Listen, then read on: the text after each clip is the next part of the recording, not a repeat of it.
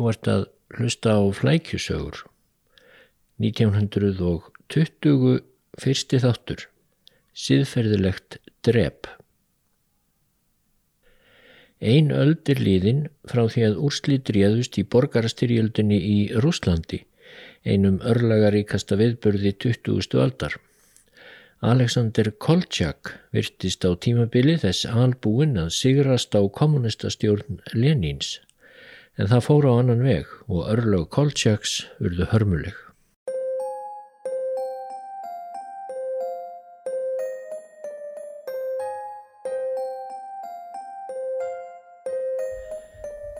Fyrir hundrað árum eða í byrjun árs 1920 rann upp ein af stærstu örlagastundum sögunar á 20. öld. Þá réðist í raun niðurstaðan í borgarastríði sem staðið hafði í Rúslandi í nokkur ár. Flótafóringin Alexander Koltsjak hafði virst líklegur til að steipa stjórn kommunista undir fórastu Lenins. Ef það hefði gengið eftir og enginn sovjetríki litið dagsins ljós, hefði saga Evrópu, Asíu og alls heimsins orðið allt önnur en raun var þá. En hvernig fór fyrir Koltsjak? Hví sigraðan ekki. Að þessari frásögn verður að hafa formála. Í fyrir heimstyrjöld barðist rúsneska keisardæmið með vesturveldunum gegn þjóðverjum en held mjög illa á málum. Skortur ríkti og algjör óstjórn. Eftir mikil mótmæli í Pétursborg neittist Nikolás Annar keisari til að segja af sér í byrjun mars 1917. Bráðabyrðastjórn undir forsæti Aleksandrs Kerenskís tók við en réði ítla við ástandið. Snemma í november 1917 hrifsaði hinn róttæki og einþykki kommunistaflokkur Lenins til sín völdin. Flokkurinn lofaði verkamönnum, bændum og hermönnum öllu fögru og náði að halda stjórninni en naumlega þó. Kommunistar dróðu Rúsland út úr heimstyrjöldinni en gáðu þjóðverjum eftir gríðarlegar lendur í vestri. Strax í lok desember 1917 var myndaður svonumdur sjálfbóðaliða herr í söður hluta Rúslands og átti að hrinda kommunistum frá völdum. Sá herr var lengst af undir stjórn Antons Denikins, hersöðingja og helt næstu misseri stórum svæðum í söðrinu. Einn helsti hjálparkokkur Denikins var Pjótr Rangel barón en þeir elduðu þó oft grátt silfur saman. Staðan varð fljótt ógnarflókin. Denikin, Vrangel og aðrir anstæðingar kommunista voru kallaðir einu nafni kvíliðar en þeir voru alls ekki alltaf samstíga eða sammála um markmið og leiðir. Helsti fóringi kvíliða í norðaustri var Nikolai Judenich sem gerði ítrekkaðar tilraunir til að ná Pétursborg en með litlum árangri. Í Úkrænu óðu uppi nokkrir herir kósakka og þar var líka á ferðinni svo nefnda svarta varðalið stjórnleysingja þar sem Marjúsja Nikiforova og síðar Nestor Maknó voru helst forkólfa. Ekki einfaldaði það stöðuna að eftir að þjóðverjar og bandamenn þeirra austuríkismenn gáðust upp í heimstyrjöldinni haustið 1918 þá sendu vestræn ríki hersveitir til Rúslands sem áttu að hjálpa til við að hveða kommunista í Kútin. Pólverjar sem höfðu verið undir sameinlegum járnhæl rúsa, þjóðverja og austuríkismanna lísta nú yfir sjálfstæði og hófu að þjálfa öflugan herr til að verja sjálfstæði sitt. Þá var strandaður lengst austur í Sýberju, hundrað þúsund manna herr tjekka og nokkura slóvaka sem hafði verið myndaður meðan fyrir heimsturjöldin stóð yfir. Leðismenn hans voru útlagar frá Östuríki sem þá réði Tjekklandi, Slovaki og fleiri svæðum í mið-Evrópu. Nú vildu tjekkarnir komast heim en það stóð fyrir dyrum að stopna Tjekkoslovakíu upp úr rústum Östuríkis. Tjekneska hersveitin var um tíma eins og ríki í ríkinu í Sýberju og austur hluta Rúslands og kvíliðar reyndu ákaft að fá hana til að hjálpa sér gegn kommunistum. Í Evrópuluta Rúslands vörðust kommunistar með kjafti og klóm árin 1918 og 19. Bókabíöfusinn Leon Trotsky var settur yfir hinn nýstofnaða Rauðaherr og hann helt sínum hlut gegn herjum kvíliða og útlendinga og smátt og smátt fór að síga á ógæfuhliðina fyrir kvíliðum. Rúsnesk alþýða hallaði sér og skup skiljanlega fremur að kommunistum sem héttu því umfram allt að vinna alþýðunni heill heldur en kvíliðum sem virtust fulltrúar yfirstjættar og auðvalds og hins úrelta keisaraveldis fyrir nútan að vera einatt í slagtögi með útlendingum. Eftir því sem lengra leið á borgarastríðið á árunnu 1919 varð æljósara að niðurstaðan myndi ráðast í Sýberju þar sem flotafóringin Alexander Koltsjak var nú orðin yfirfóringi allra kvítliða og sæmdi sjálfan sig nafnbótinni æðsti leðtogi. Koltsjak var rúmlega færtugur um það byl sem borgarastriðið braust út. Hann var af moldóviskum láaðli, gekk í flottan og síndi mikið harðfylgi í nokkrum heimskautaleiðangrum upp úr aldamótunum 1900. Í heimstriöldinni var þann yfirmaður rúsneska flottans í Svartahafi. Meðan bráðabyrðastjórn Kerenskís hafði völdin þá laðist Koltsjak í ferðalög og heimsótti her og flotta í Japan, Breitlandi og Bandaríkjunum. Koltsjak var virðulegur og kurteis og virtist íhugull svo í þeim löndum fengum henn tröst á honum. Þegar kommunistar reyndu völdum um hausti 1917 vildu vesturveldin styðja Koltsjak til ansbyrnu gegn Lenin og félögum. Á tímabili hugðist Koltsjak reyndar ganga í breska herin en fjelstar okkum á að fara til Sýberju nánast sem fulltrúi erlendra stórvelda. Í Sýberju var staðan ekki síður flókin en í Evrópu, að minnstakosti tvær bráðabyrðastjórnir bytust um þau völd sem til voru, nokkrir ofsafullir herstjórar heldu út í eigin hersveitum sem lutu yngri annari stjórn. Japanir gerðu sig mjög gildandi austast og svo var tekneska hersveitin en þar austur frá.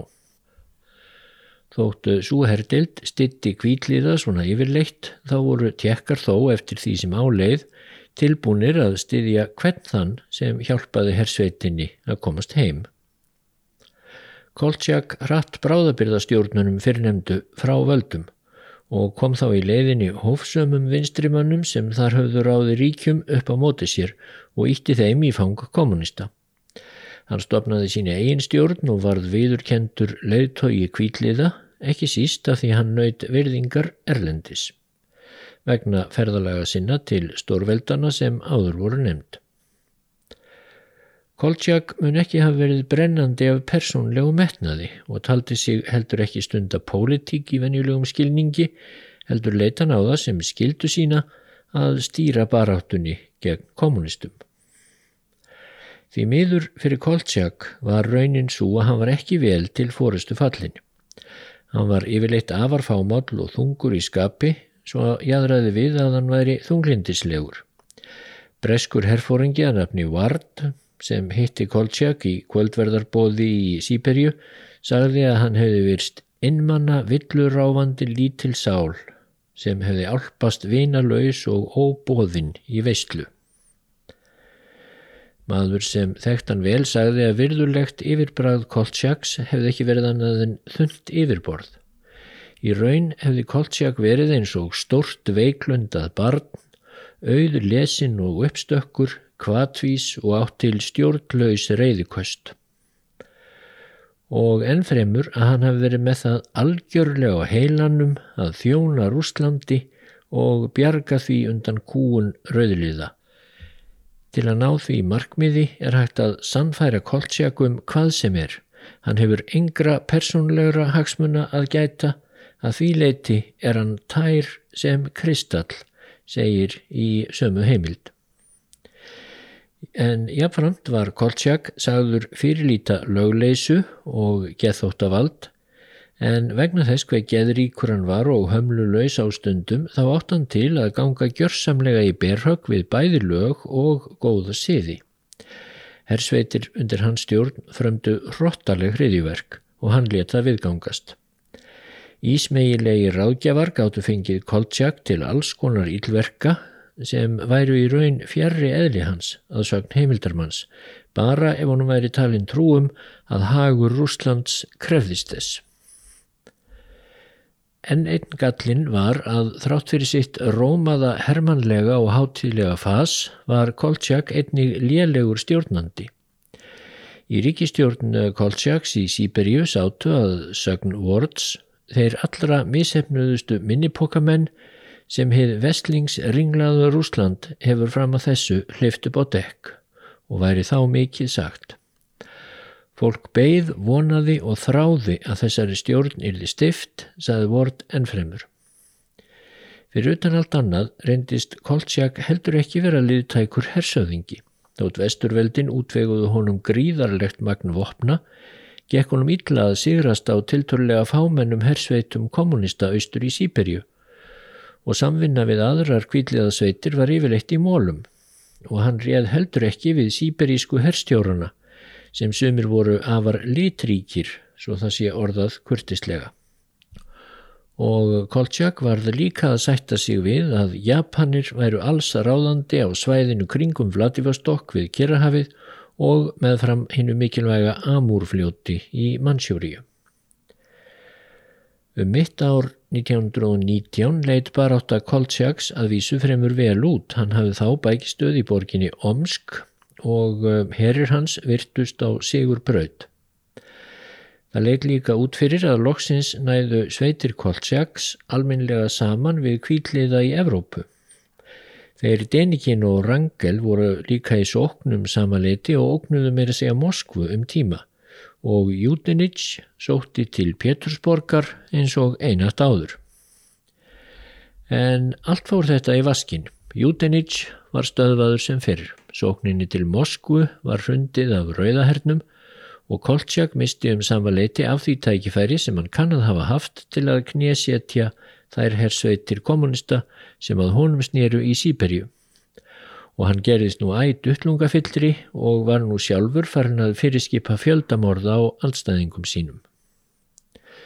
Í ágúst 1919 skrifaði hermálar á þeirra Koltsjaks í dagbók sína að Í hernum blasir við hrun, í aðalstöðunum ríkir himska og fáviska, í ríkistjórninni siðferðilegt drep, endalösar deilur, uppgangur, framapottara og eiginhagsmunnasekja.